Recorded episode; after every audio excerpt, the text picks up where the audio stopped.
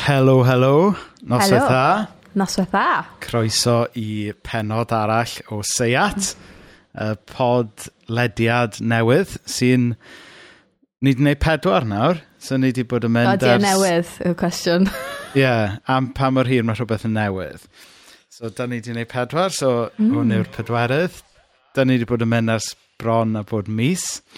Mae Mena'n gwrando ar ei hun eto, wedi anhofio roed... Uh, roed y sŵn off ar ei ffôn.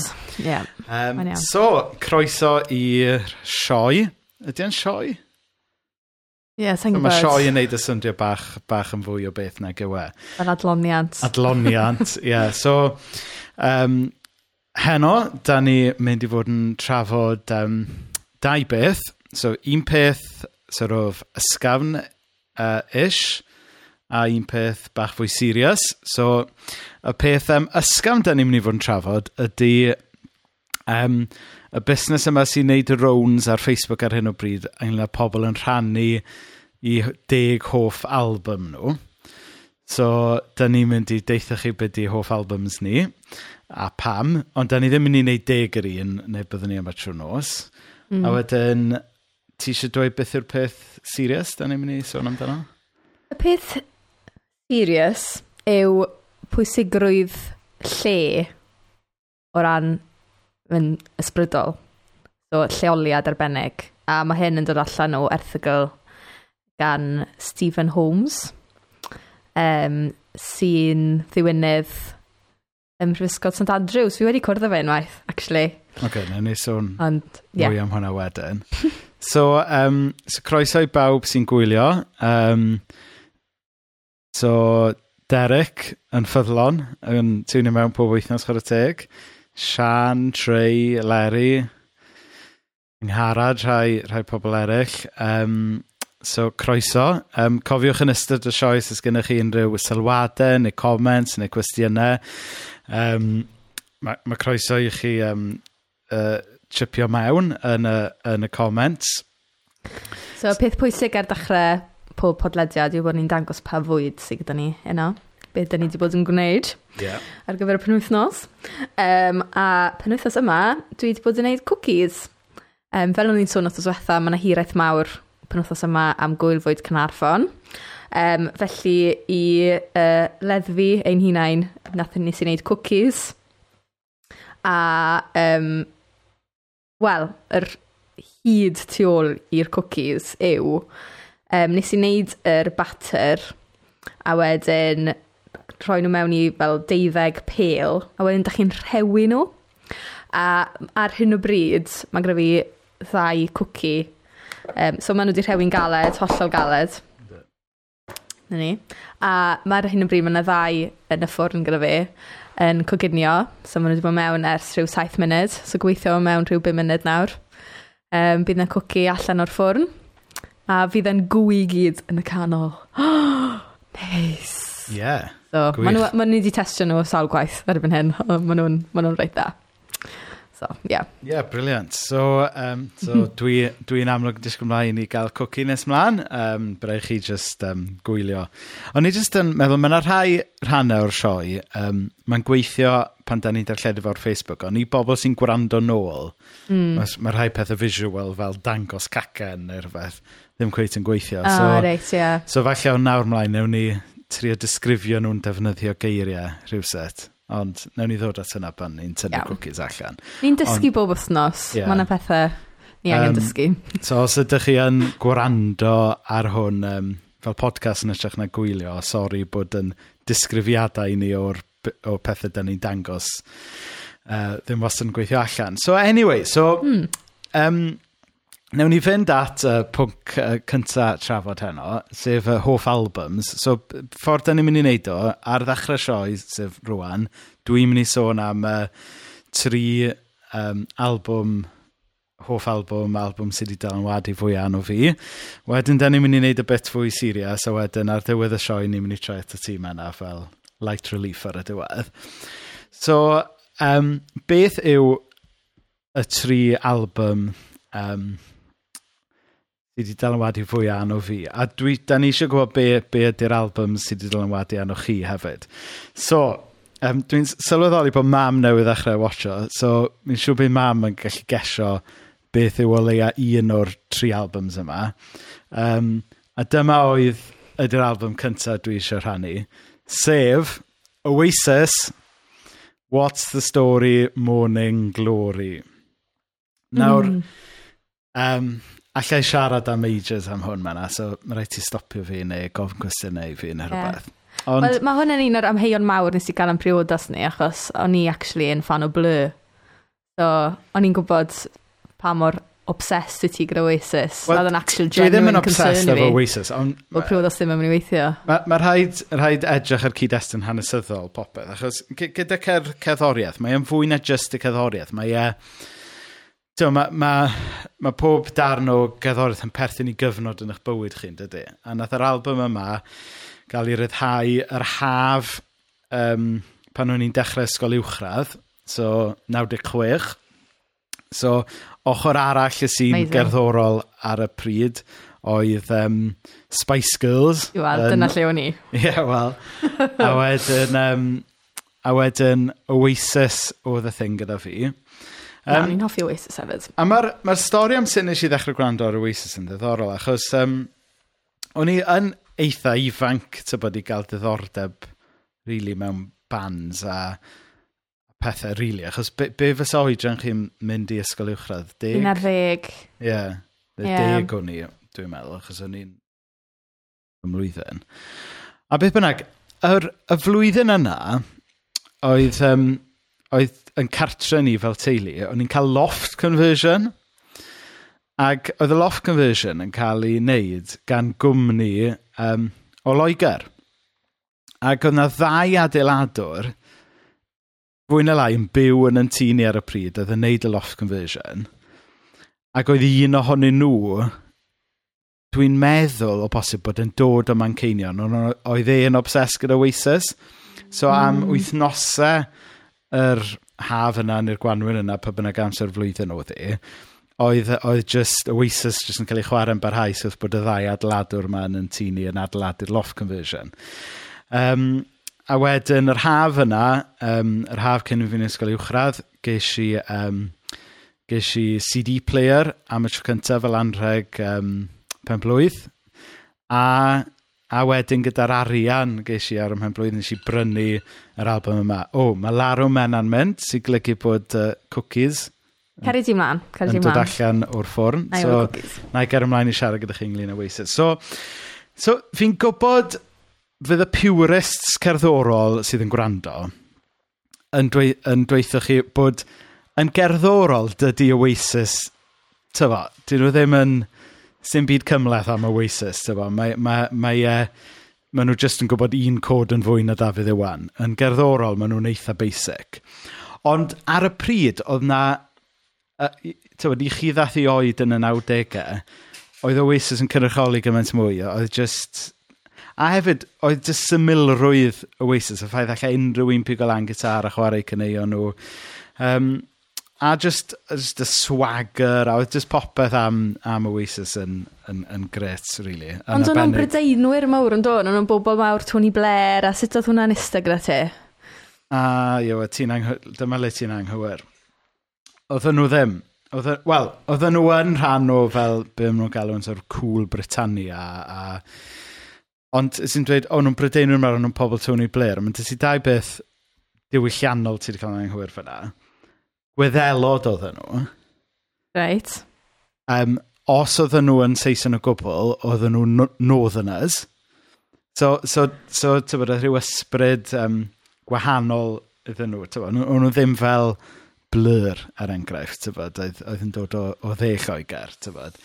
Um, so, so Oasis, a, ac i chi sydd ddim falle'n gyfarwydd efo Oasis neu'r album yma, tybod, dyma'r album sy efo um, Wonderwall anno fe, Don't Look Back in Anger, Some Might Say, Champagne Supernova, um, to, y classics i gyd. So, Oasis yn sicr yn un o top 3 albums fi. What's the Story, Morning Glory. Yn credu dyle ti wedyn gloi sy'n maen nhw wedi dylunwadu arno ti hefyd, achos mae pob nod cerddorol gyda ti bob tro yn dod nôl well, i Oasis. E? Nes i ddysgu, um, nes i ddysgu chwarae gitar, actually. Um, nadolig, fi'n meddwl, um, flwyddyn ar ôl hynny, ges i VHS o perfformiad Oasis yn Main Road. A nes i ddysgu chwarae gitar drwy posio y VHS yna a gweld lle oedd fel bysedd Noel ar y gitar. So dyna sut nes i um, ddysgu chwarae gitar, achos oedd dim fel YouTube, obviously, gael pryd hynny. Um, so... Mm, dyddiau da. So. Yeah. Iawn, so, symud mlaen. Symud mlaen, oce. Okay. Nawr, dwy flynedd wedyn, um, ddath yr album yma allan. Um, Radiator gan Super Furry Animals. Band hollol, hollol wahanol, um, yn, yn gerddorol yn hollol wahanol, lot fwy, um, lot fwy just dawnus a cerddorol na, na Oasis, a lot fwy cymleth a diddorol. Um, mae'n ddiddorol, ddath yr album yma allan iawn ar yr union rhan diwrnod a trydydd album Oasis, um, Be Here Now, gyda llaw, bach o, bach o trivia. Trivia. Um, a fi'n gwybod mai hwn oedd ail album Super Furry Animals, ond nath e, nath e gymryd So nes i ddim really mynd mewn i Super Furry Animals tan yr ail album, ond to my defence, um, o'n i dal dim ond yn 11 ar y pryd, so o'n i dim ond yn naw neu rhywbeth pan dath Fuzzy Logic yr album cyntaf allan. So, ti'n gwybod. Um, a wedyn, ie, yeah, mae'r album yma just yn, just yn briliant. Um, so Beth yw'r cyneuon sy'n ar yr album so, yma? Ma, fel mae ma Herman Loves Pauline, ah. Demons, ah. um, International Language of Screaming, mm -hmm. Mountain People, Downloaded, so mae ma yna ma oh, right, yeah. absolute clasuron. Uh, comment bach gan Sian uh, uh, yn yr... Uh, yn y, da ni'n dod at hwnna, Sian. Da ni'n dod at hwnna. Okay. Um, so, a dwi'n meddwl, siwr o fod, er... Os byddai rhaid fi ddewis un band sydd wedi bod gyda fi trwy blynyddoedd, Oasis bydde fe. Ond Ond, a bod yn hollol onest, y band gorau dwi'n meddwl, da ni wedi profi um, yn y noes ni ydy Super Furry Animals am sawl rheswm. Um, ac wrth gwrs mae gyda ti'r added bonus um, to bod nhw'n Gymru a maen nhw'n canu tybo, peth yn Gymraeg hefyd a, a mae just Griff Rhys just an absolute genius um, yn fy marn i a mae popeth am Griff Rhys yn genius. A fi wedi bod o'n tor gyda fe wrth gwrs. Ie, yeah, ti eisiau sôn rhywbeth am hwnna? Na, di dim rili. OK, iawn. O, to, yn yw, mae ma ah.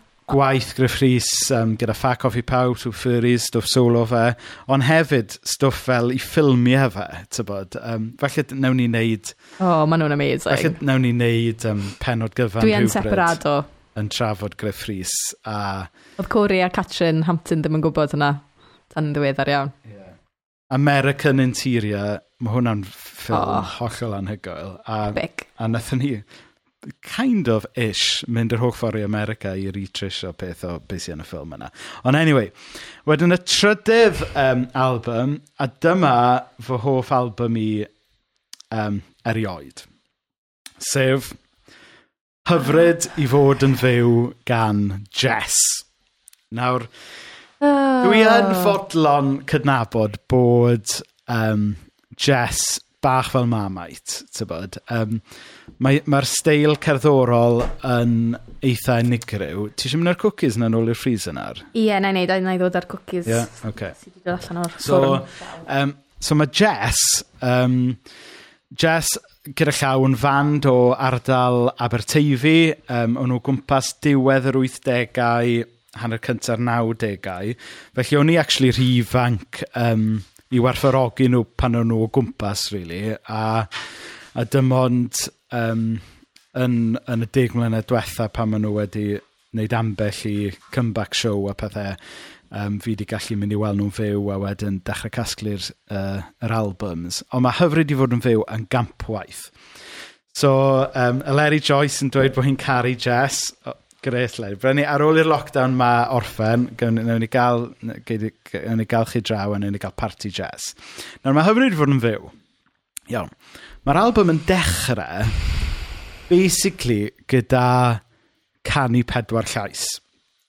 So er bod 'na rhywbeth anhygoel o gyfoes y cutting edge am Jess, eto, mae'n amlwg wrth bod yr album dechrau gyda'r Canu pyr y Llais yma, o le maen nhw'n dod, Mae'n rhywbeth Cymreig amdano fe. So, Anwyl Dad yw enw'r gan gyntaf, a wedyn mae'n just canu digyfeiliant pedwar llais, a wedyn mae fy mynd bang mewn i'r mewn i'r mewn i'r ffunk yma. Um, Dŵarw, dwlwlwlwp. A wedyn, a hefyd mae yn un o'r albums yma lle mae, mae pob can yn yr album yn fflywio mewn i'w gilydd. So mae'r holl album yn gampwaith. A, a mae lot o kids heddiw ddim mynd i falle um, werthfawrogi hynna, achos dyddi e yma, ma, dyw pobl ddim yn gwrando ar albums fel cyfanweithiau, tywa, yn oes y downloads a'r streams, yn pobl jyst yn gwrando ar gyneuon unigol, ond mae Hyfryd Fwn Fyw yn album lle mae'r cyfan wedi crefftio gyda'i gilydd. So, um, eich bwyntiau yr album, yr dau track cynta, Anwyl Dad a Sigl Di Bot. Efe Sigl Di Bot yw enw? Na, eisiau mwy, sori. Eisiau mwy yw enw'r ail track. Yr Afal, um, Julia Guitar. Safe. Um, It's... Hwna oedd First Dance ni? Yeah. Yeah. Yeah pethau fi wedi gorffa wneud. Oedd e... Yeah, Cyfyddawdi fi wedi gorffa wneud. Yeah. A wedyn... Julia um, Guitar, fel first dance. Unig grew. Ie, yeah, wel, dyna ni. Nathon ni gael fruitcake. O'n i eisiau sponge. so dyna ni. Um, a wedyn... Be, peth arall? O oh, ia, yeah, wedyn glaw. Um, pan mae'r glaw yn dod i lawr, fi dy dy dy dy... Fi'n holl siwr o geiriau, achos mae brychain llir y ffrint man. Mae e, dwi ynganu fe ddim wastad yn gret. Dwi'n mae e'n... Ie, dyna un o'r pethau fi'n hoffi mwy amdano fe ddo. Mae e'n okay. ynganu e'n eitha... Falle, os, os byddwn ni ddim di mynd ymlaen rhy hir, a dyna ni di mynd ymlaen eitha hir yn barod, na i, na i cael y gitar allan a canu bych o jazz ar y diwedd. Un peth na i weid, Rhys, yr y, y tri album, neu'r dair album, ti di dewis fyna. Um, Mae nhw gyd yn gyda edrychiad specific iawn tymed, o ran y bobl, tymod, maen nhw gyd yn wyn, maen nhw gyd gyda gwallt di, cyrliog, maen nhw gyd actually yn edrych fel ti. so ti... so ti'n ti, dew, ti di dewis cerddoriaeth ar dy ddelw dy hun. So, o'n i'n meddwl, o'n i'n meddwl bydda na falle bach o hip-hop yna rhywle. Well, Ond falle ddim yn y tri ucha falle, ond... Na, oedd y cyfnod lle eisiau mewn i hip-hop ac wrth gwrs cynhyrchu hip-hop fy hun. Oedd hwnna, oedd hwnna mlaen yn y dim degau, yn y cyfnod um, sorry purists, ond nhw'n wedi stopio prynu albums ebryn hynny, ac o'n i'n just yn cael popeth ar iTunes a, a pethau, a singles a pethau, so... Mm -hmm. Reit, so dwi'n meddwl... Um, Mae'r cookies di cyrraedd. Mae'r cookies di cyrraedd. So, geith Mena siarad um, bach am y cookies nawr, cyn bod ni'n mynd i drafod y pwnc fwy serious. Ond mae beth sy'n angen neud gyda'r cookies, o, mae rhaid eitha squidgy. Nhw dal eitha poeth. Ond y, y torri fe yw'r... Y squidgy. O, oh, drychach. Mmm, neis. Nice. So, na i cymryd orders ar ôl y lockdown. Ie, yeah, maen nhw yn reit dal eitha poeth ac yn sgwyddi iawn. Disgrifio ti beth rhywun ymlaen ar gyfer y pobl sy'n gwrando. Iawn, ar gyfer y pobl sy'n gwrando, um, ni'n ni trial y cookies. Fi newydd torri'r cookie i ddangos pa mor gwy a neis yma e ti fewn. A mae'r bod y siocled i toddi. A, um, yeah, mae'n llwyddiant. Um, mae'r rhys i weld yn mwynhau un, mae'n llond i gig ar un o bryd. Um, Ie, yeah, lle. Dychmygwch yr holl felystra yna gyda'i gilydd. Mmm, neis. Nice. Gofio oedd, um, yn y gyfnod lle oes rhaglen coginio ar Radio Cymru. O, oh, ie. Yeah. boi Ogwen a beth enw fe? Odri Ogwen. Odri Ogwen oedd e. Gwyn ni'n cyfyns bod dim coginio o gwbl yn mynd mlaen a bod e just, just yn, o, chi'n ffrio'r wino yn snawr. Yn bod dim coginio actually yn digwydd. Un just... beth dylen ni wedi am rhain yw nes i dwy mor trei o'n i'n coginio nhw arno cyn rhoi'r cookies arnyn nhw i coginio a dyna sy'n neud y gweilod yn eitha crispy. Mae hwnna'n trick bach arall fi wedi dysgu. Yn dda. Reit. Iawn, so, mm. dyna ni. So, ni nawr mynd i newid trywydd yn llwyr. Um, fel sydd yn amlwg falle o deitl, um, y podcast yma, um, un, o, un o'r pethau da ni yn trafod yn y podcast yma ydy um, um, ffydd, um, dyfodol yr eglwys, um, a, a i ni'n trio edrych ar bopeth o brosbectif ffydd. Um, so, so dyna ni'n mynd i wneud nesaf, sef yr, y pwnc fel Sirius sydd gyda ni heno. Um, ond gobeithio newn ni drafod hwn yn, yn weddol ysgafn hefyd ydy er erthigol um, wnaethon ni ddod ar ei draws wrthos yma gan fwy enw Steve Holmes. Um, so pan nes i ddod ar draws yr erthigol yma a, um, a rhannu fe, um, Turns out, mae Mena'n adnabod y boi. O'n i'n gwybod hynny. Wel, so... mae hwnna'n mynd bach rhy bell. Okay. fi wedi cwrdd o fe unwaith mewn cynhadledd am diwynyddiaeth. Um, Wel, edrych ar beth mae'r eglwys yn gallu am trais yn erbyn merched yn ei atal y peth. A wedyn yeah. mae e wedi gwneud, na dde wedi gwneud ymchwil i'r BMS, lef, sef y mudiad o'n i'n gweithio iddo. Dde wedi coeddi papur ar gyfer nhw. A wedyn, ie, um, yeah, so nes i gyfarfod e am syna. OK, ti eisiau dweud rhywbeth am i gefnder e? achos fi'n fi gredw'r cryf mewn. Chi angen gwybod rhywbeth am cyd-destun awder cyn trafod i gwaith nhw, achos da ni gyn yn cael ei ffurfio gan yn cyd-destun, a ddwn ni at yna mewn munud. Wel, mae'n ddiwynydd a hanesydd yr eglwys bydyddio rhyw e, so hanes yr eglwys, yr bydyddwyr yn Lloegr yn benna. Ond mae yn ddalithydd yn St Andrews. Os y dim Albanwr yw e? Na, na. O, reit, diddorol, oce. Okay. O'n na. O'n i wedi cymryd mae Albanwr o dde, a mae rhan o cefndir yr, yr erthigol yma sydd yn cael ambell i dig at Anglicaniaeth, oedd y ffaith bod yn well, Albanwr yn... Tyfo.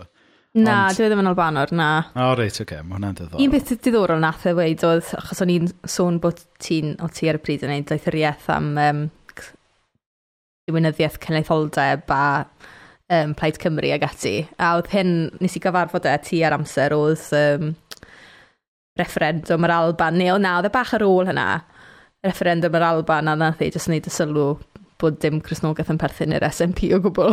Mm. a o'n i'n meddwl, o, diddorol, achos o'n i'n ddim di meddwl am peth gwbl cyn hynna. So, oedd e'n ffind o fe'n ddiddorol bod yna gymryd cysylltiad rhwng Cresnogion a okay. Cresnogaeth a Plaid Cymru. Diddorol. Ddewn yeah, ni nôl at hwnna mewn, mm. mewn penod arall i'r dyfodol.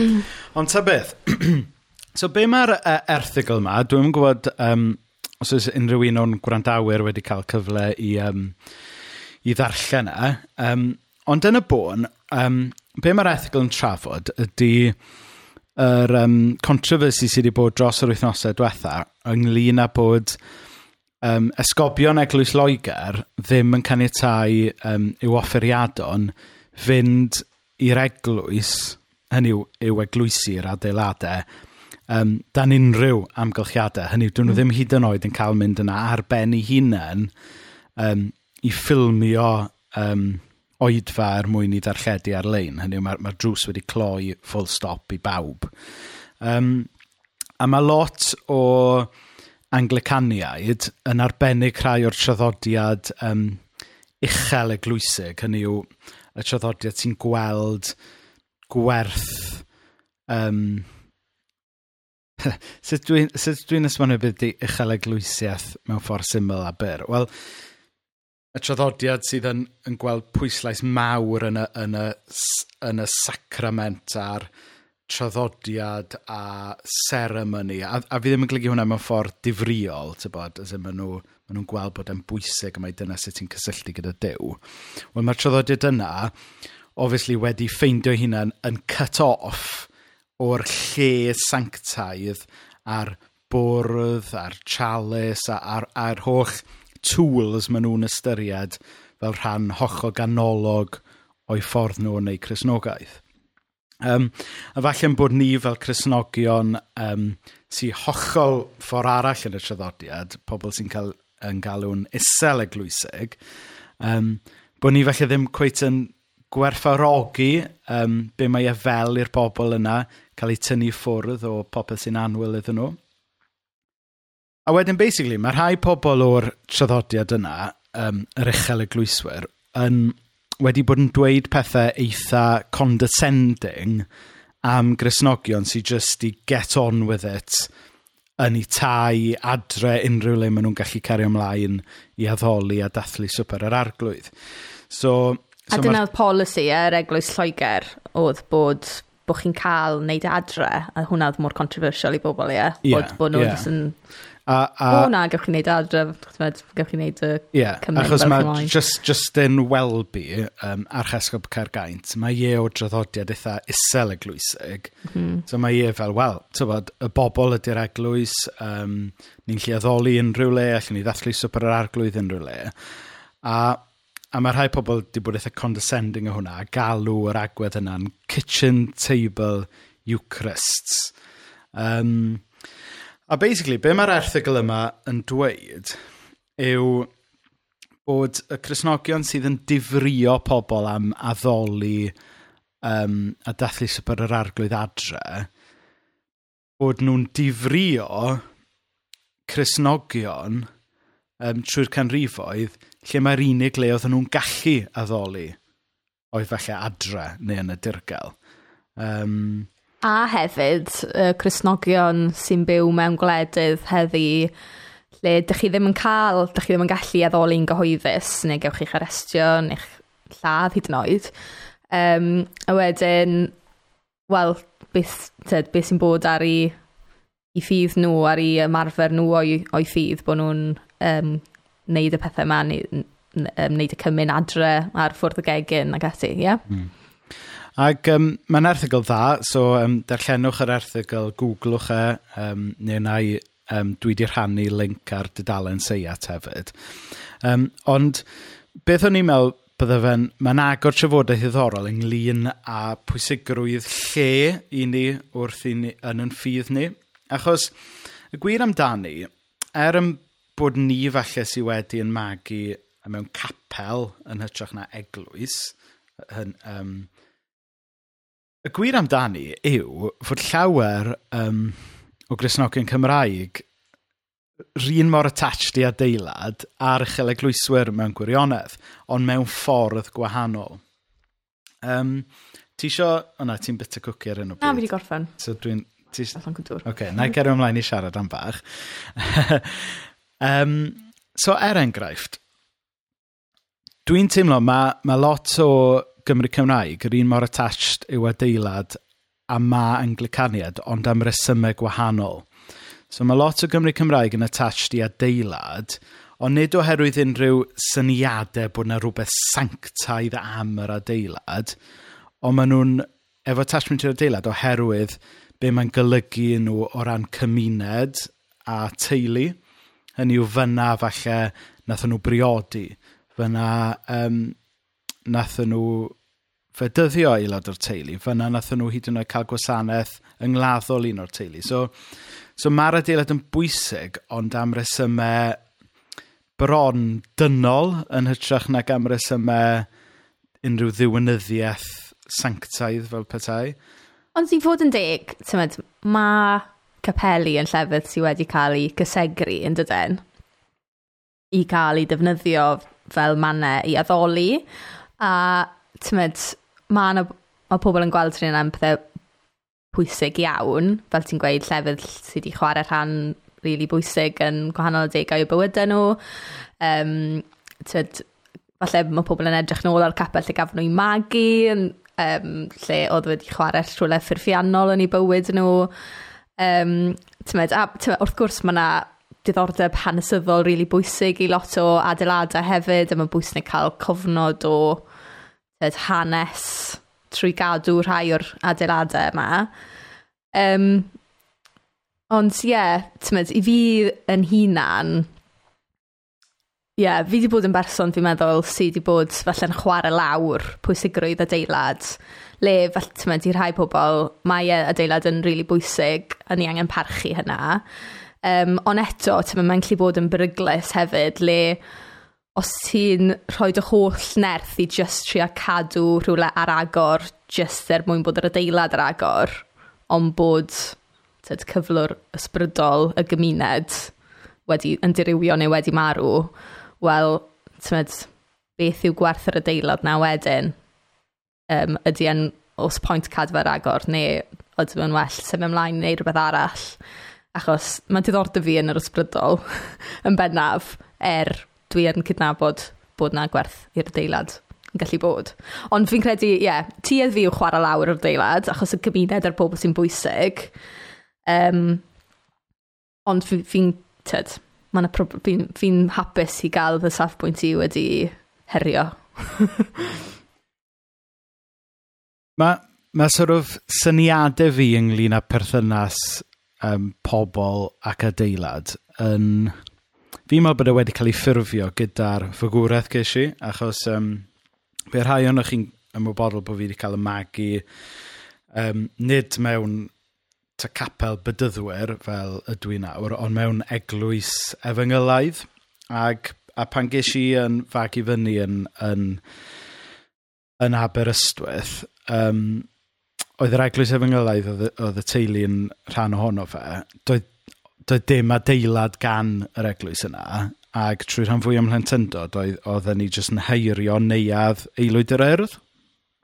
Um, so oherwydd hynna, oedd wastad rhyw syniad ynddo fi hyn oed pan o'n i'n blentyn bod yna rhywbeth gwahanol am yn Cresnogaeth a'n, an capel ni. Hynny yw, hyd yn oed gwahanol i capelu eraill, heb sôn am gwahanol i eglwysu o ran eglwysu yr Eglwys yng Nghymru, Eglwys i Anglicanaidd.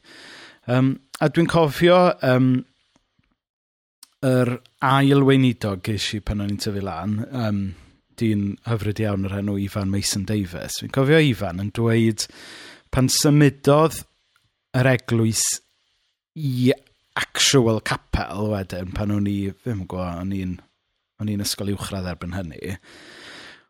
Yn cofio Ifan yn dweud bydda fe'n gobeithio bod hwnna'n neud i ni edrych um, llai fel cult a mwy fel capel go iawn. Hynny yw, doedden ni ddim yn cult, ond, ond i rywun o'r tu allan falle, falle oedd yn edrych fel na, achos bod ni ddim efo adeilad yn hun oedd yn edrych fel eglwys, yn edrych fel capel. So um, i gael eich derbyn fel eglwys, oedd angen adeilad capel yeah, chi. Ie, yeah. ac, ac tybo, oedd baich arbennig, um, a ma baich arbennig gan Ifan i, i rannu yr efengil efo tybo, Cymru Cymraeg traddodiadol am o'n yr ardal, felly oedd e'n teimlo bod e'n hindrance bod ni ddim efo adeilad a bod ni ddim yn edrych fel capel normal, tybod. Mm. Um, yn ddiddorol, mae'r eglwys um, yna, mae mam dal yn aelod ohono fe. Erbyn hyn, maen nhw wedi mynd full circle a maen nhw wedi gadael y, y capel a mynd nôl nawr i, i um, gyfarfod mewn neuadd gymunedol. Um, So, yeah. so oherwydd, oherwydd bod fi, basically, beth dwi'n siarad dweud ydy, oherwydd bod fi wedi cael y magu mewn eglwys oedd ddim efo adeilad, mae hwnna wedi siapio newynyddiaeth i wedyn ynglyn â to, be ydy adeilad, be ydy pwysigrwydd adeilad. Um, yr unig, yr unig cafiat yna i daflu mewn yw, um, mae'r eglwys lle da ni'n rhan ohono fe nawr, um, Caer Salem yn Gynarfon, fe wnaethon ni ren, renofitio'n adeilad ni. Neu um, adnewyddu. Adnewyddu, sorry, adnewyddu yn adeilad ni um, rai blynyddoedd yn ôl. Um, ar gost nid ansylweddol ac yn sicr oedd yn golygu lot o aberth um, o ran llafur cariad, ti'n gwybod. Um, a, ac o ganlyniad, um, fi'n gobeithio oedd yn blaen o'r blaenoriaethau ni'n iawn yn hynna, hynny oedd, oedd y weledigaeth a, a'r bobl yn dod gynta a wedyn yr adeilad. Um, ond hyd yn oed wedyn, ar ôl wneud y buddsoddiad arian ac amser yna mewn adeilad, i deall lle mae'r attachment yna i adeilad yn dod. Um, ond ti eisiau mynd yn ni nôl at sort of, ysbryd yr erthigol yma? Be, o ran yr um, cymun ar y bwrdd? Ie. Yeah. Um, Wel, just un peth o'n i eisiau dweud am... Um, fi'n meddwl, so, gyda'r eglwys yn Lloegr, a fi'n mynd gwybod os mae'r eglwys yng Nghymru, ydyn nhw'n gyda'r un polisi, bod pobl ddim yn mynd i'r eglwysi? Na. So mae pobl yn cael mynd i eglwysi yn eglwys yng Nghymru. Oherwydd mae yna, yeah. eleni, ni'n dathlu cam mlynedd o annibyniaeth. Ie, yeah, wel na pham ni'n gofyn os, um, os nhw'n wahanol. Eglwys yng Nghymru, eglwys Lloegr, so mae yeah. polisi wahanol. O'n i'n cymryd bydden nhw'n wahanol, okay. ond mae'r ma polisi yn wahanol. Iawn, wel, fi'n lli deall o ran diwynyddiaeth nhw, fi'n gallu deall pam mae'r pobl yn teimlo fe'n anodd iawn bod nhw'n methu mynd i'r eglwys i wneud yr sacrament yn gyhoeddus tymed, yw i'r gymuned, i'r cymdeithas o gwmpas nhw. No. Fi'n fi gallu deall hynna. Fel, ond gyda um, anghydffurfwyr, a fi'n meddwl, gyda capeli, fi'n meddwl, weithiau mae attachment ni yn eitha attachment ni i'r capel a eisiau bod yn, tyfed, ni'n aelod a'n, tyfed, fel, bydde lot o Cymru Cymraeg yn gallu gweithio chi ble pa enwad, tyfed, a beth oedd yr enwad a'r traddodiadau i'r capeli oedden nhw'n perthyn ni yn blant neu cenhedlaeth yn ôl, mwy nag un cenhedlaeth yn ôl. Um, ond fi'n credu mae'r attachment yna, fel ti'n gweud, tymod, gyda'r angen ffurfwedd, mae llai o'r, mae'r diwynyddiaeth ddim yna, really, a fi'n credu'r effaith yw bod yr, mae, mae di inf, infant fel wneud yn ffydd ni'n blentynaidd, really. Achos bod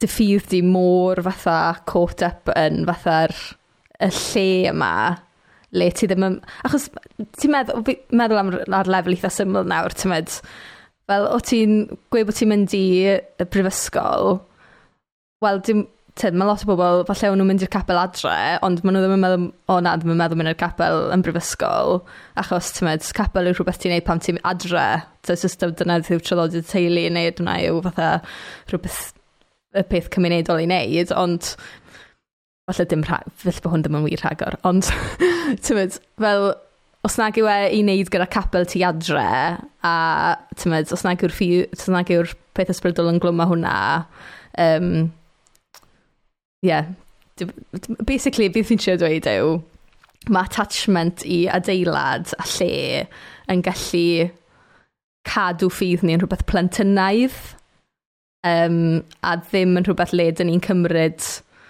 penderfyniad drosto drosto ni'n hunain. Um, achos ti'n cli fel cadw fe'n rhywbeth sentimental, cadw fe'n rhywbeth sydd fel rhan cysylltu ti dy'r gorffennol. Oce, okay, mae'n rhoi, falle mae'n rhoi synwyr o gwreiddiau perthyn i ti, ond actually, tymod, dim dyna, dim dyna beth yw pwrpas fydd, dim dyna beth dyle bywyd ysbrydol ti fod. Am os mae hwnna'n neud sens. Ie, yeah, di. A mae'n ma gallu rhwystro dy ffyd i'r rhag dyfnhau a, a esblygu mewn ffordd da hefyd, dydy.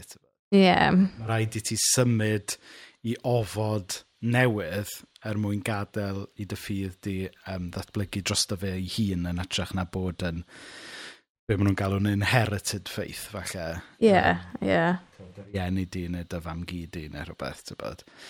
Ond mae'n lyflu, fel mae syniad yn neud cymyn adre, fi'n mynd gwybod os yw pob sy'n gwrando, ydych chi'n neud cymyn adre gyda'ch teulu, Tymed, mae hwnna'n eitha controversial i lot o bobl fi'n gwybod, ond fydda, ydych chi'n neud ac teulu, neu ydych chi'n neud e ym eich, os, os chi'n mynd i grŵp tŷ neu grŵp cymuned, neu'n cwrdd fel mewn tŷ rhywun i weddio, ydych chi weithio'n cymryd cymyn. As in, mae hynna i gyd yn rili really diddorol i fi, fi'n meddwl, achos os ydych chi'n cymuned sy'n cyfarfod, wel mae gwledda um, ar swper ar arglwydd yn rhywbeth o ddiesu eisiau ni wneud i ei cofio fi, ond hefyd i edrych mlaen i'r dyfodol, achos mae'r holl act o torri'r bara a yfed y gwyn yn cyhoeddi yr greadigaeth newydd yn cyhoeddi be mae Iesu mynd i wneud hefyd yn ogystal â be mae wedi wneud. Um, felly mae e'n rhywbeth, sydd, rhywbeth radical iawn, really, pam ti'n edrych mewn i'r peth a fi'n credu rhywbeth... Oh, ni'n colli wel, o'n i ddim, tymed, wastad yn cymryd ystyrau yn llawn, really, pam o'n i'n, pam fi'n cymryd cymryd, neu pan yn y blynyddoedd sydd wedi bod, ond tywed, mae'n rhywbeth eitha, mae'n well, mae rhywbeth rili really cyffroes, really, pam ti'n cwrdd gyda'ch gilydd i cyhoeddi bod Iesu'n fuddigol, bod Iesu wedi marw, bod Iesu wedi concro'r bedd, bod, bod y greadigaeth yma nawr ar waith trwyddo ni. Mae'n mae really exciting. Mm. Um, A bod ni'n gallu wneud hynna just adre, um, a bod ni'n gallu te gwahodd pobl i'r bwrdd hefyd, timod, gwahodd pobl i fod yn rhan o'r creadigaeth newydd yna trwy ddod i swpera gyda ni. Mae hwnna'n really exciting, dwi'n meddwl. Yeah. Fi'n gwybod os fi'n actually yn trafod yr erthigol neu beidio ar hyn o bryd. Well, ond... Dim o, hynny yw, pwynt trafod yr erthigol yw jyst rhoi cyfle i ni rannu yn gyffredinol o fe. So, So mae cwpl o sylwadau wedi dod mewn. Newn ni, newn ni orffen drwy ymateb i'r syl sylwadau yma. So, mae Trey yn sôn fan hyn bod angen gwrthod y metafor eglwys uchel ac eglwys isel. Mae lot ohono ni sy'n efo gweldigaethau gwahanol iawn am weld eglwys grif a ffyddlon. Na dwi'n meddwl mae, mae hwnna'n pwynt pwysig iawn. Mm. Um, oherwydd, be sy'n implaid gyda'r eglwys uchel a eglwys isel yw bod un carfan basically eglwys go iawn, a mae'r carfan arall yn rhyw weird sect, tybod. So, mm. so mae... So, so, wrth bod fi'n darllen yr erthigol yma gan Steve Holmes, beth oedd yn implied gan lot o bobl sy'n cael ei galw'n eglwys uchel, oedd yn bod ni sy'n credu bod e'n iawn dathlu swper yr arglwydd adra ar fwrdd y gegin, bod ni just yn rhyw fath o weird sect, ti'n bod, a mae nhw yw'r eglwys go iawn. Ond wrth gwrs, da ni rhi moreiog o edrych lawr weithiau ar ffydd pobl felly, o da ni fel, o, oh, just, oh, just pantomime a ceremony yeah. ydy hwnna, dy yeah. sioi ydy hwnna, dy hwnna ddim yn gwrs go iawn, ni ydy'r. Mm. Um, ond mae'n beryglus wneud yr carfannu yma, ti'n gwybod. Um, so, mae hwnna'n... Um, a un peth arall, allwn ni drafod hwn rhywbeth eto, ond dwi'n meddwl, um, ta, yn y byd fwy efengylaidd e fach, da ni'n rhan ohono, a gyda llaw, fi'n gwybod mae hwnna'n derm sydd angen ni yn pacio, a mae hwnna'n sicr mynd i fod yn un a ddau penod arall rhywbryd. Yn, yr, yn y byd efengylaidd e fach yma, um, da ni'n troi mewn cylchoedd semau charismataidd, dyna un gar arall sy'n angen ympacio mewn penod arall eto. Ond dwi'n meddwl bod lot o'r traddodiad charismataidd sy'n rhoi pwyslais ar, ar brofiad, pwyslais um, ar greu yr awyrgylch iawn o ran cerddoriaeth, um, gwahodd yr ysbryd mewn ffordd bron yn mystical, bod y bron fel full circle a mae'r mae'r adain charismataidd bron dim yn full circle a maen nhw'n agos iawn i'r i'r high church sy'n rhoi pwyslais mm. ar y sacrament a'r ceremony, ond mm. mater arall i hwnna. So, Mae yna um, lot o sylwadau yn dod mewn. Um, okay. So, Dyfod Wyn Roberts, hello Dyfod. Um, noswaith dda, Helen a fi'n cael cymryd bob o'r asil yn ystod y lockdown. Gret, difyr iawn. Um, Eleri Joyce wedi cael fy mydyddio derbyn y priodi yng Nghapel Biwla sydd wedi ei droi i di yn ei dau erbyn hyn. Um yeah jyst lawr yr hewl i ni fan hyn yn Gaernarfon. Gwerth yr adeilad i mi ydy'r lleoliad cyson yn fy mywyd llawn atgofion, nid y lleoliad, ond yr atgofion a'r bobl yn lle sydd wedi rhoi sylfaen i mi mewn nifer o ffyrdd gwahanol. Dim angen yr adeilad, ond mae'n lleoliad i bobl gwrdd ac adeiladu cymuned ac i eraill wybod i ble ddod. Um, erioed i wneud bara gwyn adre o'r blaen, ond yn brofiad arbennig. Gret. Um, a wedyn Catrin, um, greselw um, really diddorol fan hyn. Dwi'n gweld yn drist pan mae traddodiadau yn exclusionary o gwmpas cymyn. Er enghraifft, os does neb wedi ordeinio, does dim modd cael. Felly ti'n mynd am misoedd heb. A oedd cymyn Iesu yn bryd o wahoddiad i bawb. Wel, Catrin, fydden ni yn sicr yn gweud ie, yeah, mae'n exclusionary iawn os ti dim ond yn cael, dim ond certain people sy'n cael wneud cymyn. Um, ond, um, ie, yeah, achos ti'n hollol iawn, oedd, oedd e'n bryd o fwyd, oedd Iesu'n gwahodd pobl iddo. Um, felly, ie, yeah, mae hwnna'n really trist, dwi'n meddwl, a yn rhywbeth dylwn ni cwestiynu. Ie, yeah, yeah. um, un peth, un peth fi'n newydd meddwl amdano, bydyddio. So, os mae rhywun angen cael ei bydyddio adeg y lockdown, Sut fyddet ti'n neud e?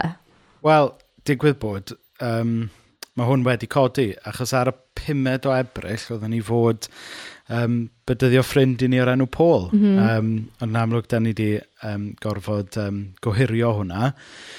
Um, Mae'n ddorol gwybod am faint ne newn ni ohirio. hirio. Um, Hynny, mae diwynyddiaeth ni yn dweud bod sort of iachawdwriaeth Paul ddim yn dibynnu ar y weithred o fi'n bydyddio fe. Um, to, mae yn ddiogel a mae yn mewn heddwch gyda'i arglwydd sy'n cael ei fydyddio neu beidio. Um, ond, a helo Paul, gyda llaw os wyt ti'n gwylio neu gwrando. Uh, Dwi'n dwi, rili really eisiau trafod beth da ni'n mynd i wneud gyda ti yn fyw fel hyn. Ond, um, ond hynny, wrth gwrs, dwi wedi cael efo Paul yw, to, bod ni'n just yn gohirio fe am chydig fysoedd. Ond mae'n ddiddorol. Um, mm. Tasa rhyw achos yn codi bod rhywun ben set eisiau cael ei bydyddio, be fydden ni'n neud? Wel, um, oedd Iesu a'r disgyblion ddim yn oedi cyn bydyddio pobl na. Na. Oedden nhw'n mynd straight lawr y môr. O'n. a bydyddio nhw. Um, Mae hwnna'n eitha heriol. Hefyd, doedd nhw ddim yn byw yn ganol COVID-19. Na, ond mae wedi ysgoffa fi o um, stori, fi'n credu o Bangladesh, dwi'n meddwl, um, lle yn amlwg mae'n bryglis i bod yn gristion. Um, ond oedd na eglwys dan ddearol fyna, cofio gweld lluniau um, o nhw'n bydyddio y er dyn ifanc ma mewn casgen. Um, a oedd yr lluniau reit trawiadol, ond chos o'n nhw mewn stafell fach fach, ond nhw wedi llwyddo cael y gasgen yma, a llenwi y dŵr, a wedyn i dynco fe yn y gasgen. Fi di meddwl am un ffordd allan ni fydyddion ffrind ni um, a cadw social distance gyda'r um, uh, power washer. O oh, ie. Yeah. So allan ni to, allan fi sefyll. fel yr Ice Bucket Challenge. yeah. O oh, ie, yeah. dyna ni. Fydde fel Ice Bucket Challenge Extreme. So, um, um, Da. Ie, yeah, so, so just cyn bod ni'n gorffen yr rhan yma, Trey yn sôn am um, geiriau Rachel Held Evans eto. So, na i ddarllen hynna allan. So, um, so yn yn oedfa ar-leini yn Cersal yn bore, mae wnaethon ni ddathlu swper ar arglwydd. Os, os, ydych chi eisiau um, profi'r oedfa yna, allwch chi fynd um, ar yn tudalen YouTube neu Facebook Cair Salem a gwylio fy nôl. Ac um, cyn bod ni yn cymryd y cymryd, nes i ddyfynnu dau beth allan o llyfr um, Rachel Held Evans, Searching for Sunday, oedd yn dweud fel hyn. Um, the church is God saying, I'm throwing a banquet, and all these mismatched, messed up people are invited. Here, have some wine. This is what God's kingdom is like a bunch of outcasts and oddballs gathered at a table, not because they are rich or worthy or good, but because they are hungry because they said yes. And there's always room for more. Ag, a fi'n meddwl, dwi ddim yn medd, hynny, mae yna groeso i bawb i ddathlu swper yr arglwydd, ond cyhyd a bod rhywun yn dathlu swper yr arglwydd am y rhesymau iawn, ti'n gwybod? Mm. So fi'n meddwl bod hwnna'n subtly yn cael ei ddweud gan Rachel yn y cwt, achos mae'n dweud bo, not because they are rich or worthy or good, but because they are hungry, because they said yes. So hynny yw, mae yna... Mm. Derbyn y gwahoddiad. Ie, yeah, hynny yw, yeah. mae'n ma, amlwg fod na gam o ffydd um, yn rhan o hwnna, ti'n gwybod. Mm. So, ie, yeah, diolch am tynnu sylw ni at y dyfyniadau yna eto. So, mm. da ni wedi gorffen y bit serious uh, o'r sioe heno. Dwi'n so, wedi deg. So, cyn bod ni yn gorffen y sioe heno drwy ofyn i Mena siarad am i um, tair tri hoff album, na i jyst rhoi plug i cwpl o bethau. So, um, so os ydych chi eisiau gwrando nôl ar y sioe yma fel um, podlediad, allwch chi fynd i seiat.net um, a gwrando nôl fyna. Allwch chi hefyd um, chwilio am Seiat ar Apple Podcasts ac ar Spotify a gallwch chi tan ysgrifio gwrando ar y sioe fan yna. Mae gyda ni e-bost hefyd post at seiat.net so mae croeso i chi e-bostio unrhyw ymateb, unrhyw sylwadau, unrhyw gwestiynau sydd gyda chi byddwch chi'n hoffi ni drafod ar y sioe so post at seiat.net um, Diolch i'r bobl sydd yn tan ysgrifio, diolch i'r bobl sydd yn gwrando. Um, ni wedi cael syni ar yr ochr orau um, faint o bobl sydd yn gwrando, um, mae'r um, mae software ni'n iwsio yn gallu dweithio ni am pa mor hir chi'n gwrando hefyd. So, to, pan nes i weld faint oedd yn gwrando, o'n i fel, ie, yeah, ond falle maen nhw dim yn gwrando ar chydig eiliadau, ond mae'n ma, dweithio ni, to, mae rhan fwy o bobl yn gwrando ar um, o leia tri chwarter o'r sioe cyn switch off. so mae hwnna'n um, hwnna, hwnna dda um, gwybod bod, bod hwn yn cael ei werthfawrogi. Um, hefyd, dwi jyst eisiau deud fod um, yn anuniongyrchol, mae yna ddau berson wedi noddi y sioe. Um, dwi ddim mynd i'ch enwi chi, ond i chi'n gweld... Um, whoops, dwi'n gwasgu'r bottom anghywir fyna. Um, I chi'n gweld uh, microfons neis iawn fan hyn. Um, so diolch i chi, neu ddim eich enwi chi sydd wedi noddi'r sioe um, drwy roi nawdd i ni brynu microfons. Uh, da, er mwyn i chi glywed ni'n dda. Achos, tywa be, sy'n byd yn... Um, sy'n byd yn neud fi fwy crac, wel dim crac yw'r gair, ond tyfa yr holl bobl yma sydd yn um, darlledu, gan gynnwys stwff ar S4C, a mae pobl just yn iwsio fel, um, just fel y microffon ar fel yr headphones am ddim chi'n cael gyda iPhone. A, a ti'n pobl darlledu'r S4C gyda rhain. As yn, Tybod, sy'n rhaid chi wario ffortiwn ar microffon da, ond tybod, allwch chi o leia wneud rhyw ymdrech. Ta beth. Um, Dwi'n stickler am ansawdd sain. So, ta beth. So, i orffen y sioe am heno, um, mae Mena mynd i sôn am y tair tri, tri neu tair mm, album? Mm, album. Be? Hwn, hwn, ie, yeah, tri. Y tri, tri album, album sydd wedi dan wadu mwy anu. Nes i sôn am rhai fi ar y, ar y dechrau. Um, so pa'n ti eisiau sôn amdano cyntaf, Mans? O, oh, um, wel, gyntaf na i fynd am Amy Winehouse, Back to Black. Um, clasur o albwm. Um, yr unig albwm nath Amy Drian i rhyddhau. Um, fi oedd i farw yn 27 mlynedd oed. Um, o'n i'n fan enfawr o Amy Winehouse. O'n i just yn... Och, just yn toddi yn ei cherddoriaeth e a'i llais hi, bendigedig. Um, mae'n siarad am themau reit dywyll. Um, a fed, ie, yeah. ond mae lot o bethau fi'n meddwl fi'n lluniaethu gyda. A ti'n meddwl, mae bob album yn siarad am cyfnod o dy fywyd un dydy a wedyn fi'n meddwl, ie, yeah, lot o ie, yeah, mae yna lot o angst a dwyllwch, ond hefyd lot o ie, yeah, pethau hapus yn, yn yr, yn yr um, yn yr album hefyd. Back to Black yw'r teitl yr album, ond mae'r gan yn glasic. Um, ond siwr fod un o'r cyneuon mwy enwog yw Rehab. A um, oedd hwnna yn tipyn o tiwn back in the day. Um, they try to make me go to rehab. I say no, no, no. Um, So, ie, yeah, o'n i'n teimlo bod fi'n lluniaethu gyda'r geiriau yna. Actually, allai ti newid am geiriau geiriau, they try to make me go to church, and I say no, no, no. Pobl sydd ddim eisiau mynd i gapel. Dwi'n gwybod beth i ddweud. um, ond, ie, uh, yeah. na, mae'n clasur o album hyfryd. OK, gret. Pa un, pa un nesaf? Just trenu bod i wedi marw mor ifanc. Um, so nesaf Lleiwen, Steffan, um, eto just arwras, caru Lleiwen. Um, mae just be mae hi wedi gwneud yn Gymraeg yn ffantastig.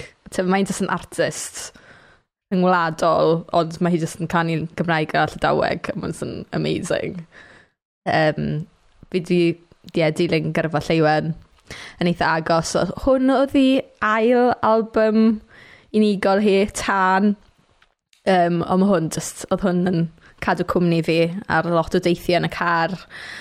Eto, just lot o o geiriau ffantastig, um, lot o teimladau yn yr album oedd yn helpu fi ar y pryd oedd, oedd yr album wedi dod allan a mae'n, ie, yeah, llawn angerdd fel chi'n disgwyl o'r lleiwen.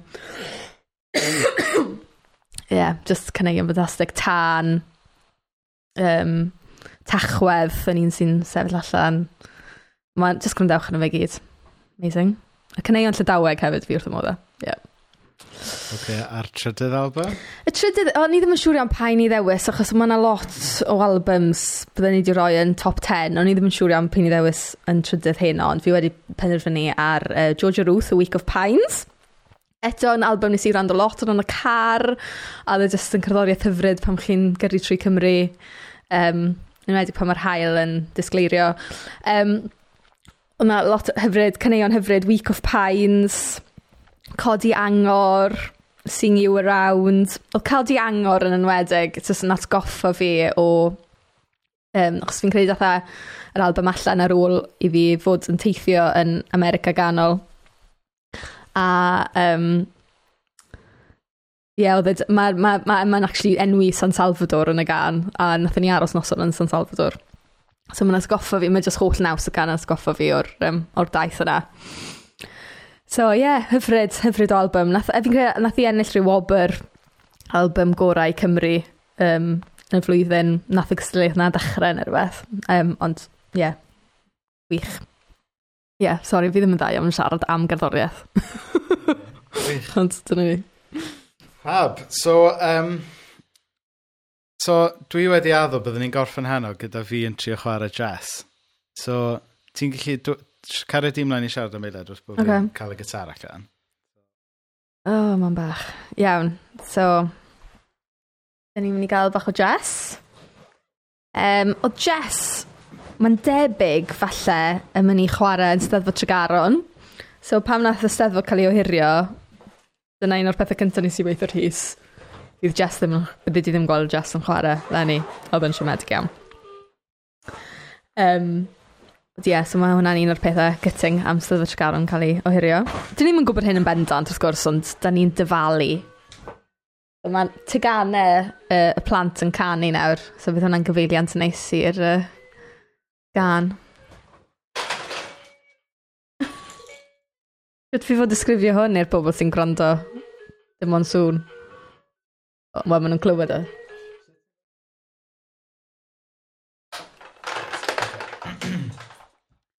So, dwi ddim yn siŵr um, sut fydd hwn yn swndio. Um, achos di'r gitar ddim wedi plygio mewn. So, ydych chi jyst yn clywed y llais a... Gaf i tiwnio gyntaf. Mae gan y gitar mae tuning issues.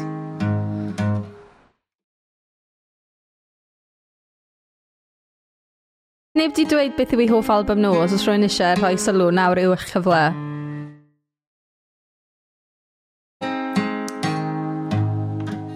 Diolch Ileri am gwrando hefyd. Mae Rhys yn gorffen y jazz. Okay, so um, Dwi ddim yn gwybod beth, beth yw'r geiriau, achos fel ni'n esbonio cynna, mae um, dydy geirio brychan clir ddim yn gorau.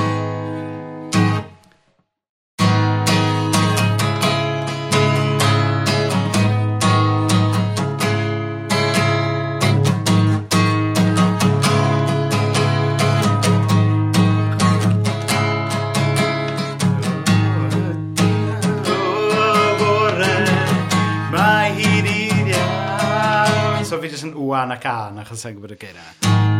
La la la la,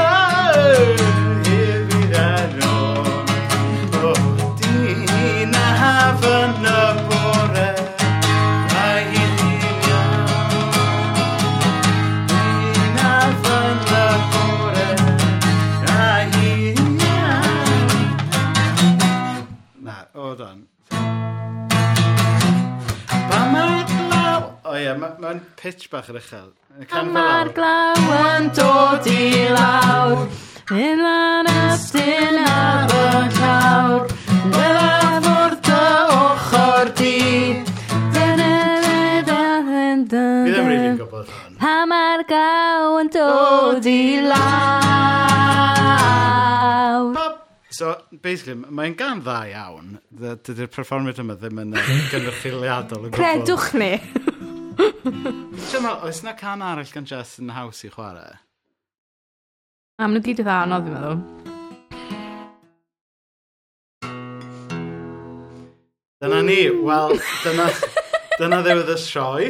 Um, os ni'n neud, um, pen, um, os da ni'n neud uh, perfformio cerddorol arall, newn ni um, ddewis can haws. Mm. Um, so, dwi'n gwybod, os gynnu ni rhywbeth arall i ddweud? Na, mae'n... Nid i'n awr nawr. Reit. So, um, diolch fawr iawn i bawb am, am wylio a gwrando wythnos yma. Um, os byw ac iach a gyda digon aeg ni, byddwn ni'n ôl efo chi no sil nesa. Um, Gwyt ti rhywbeth i ddweud cyn i orffen? Nos da. Nos da, ffrindiau.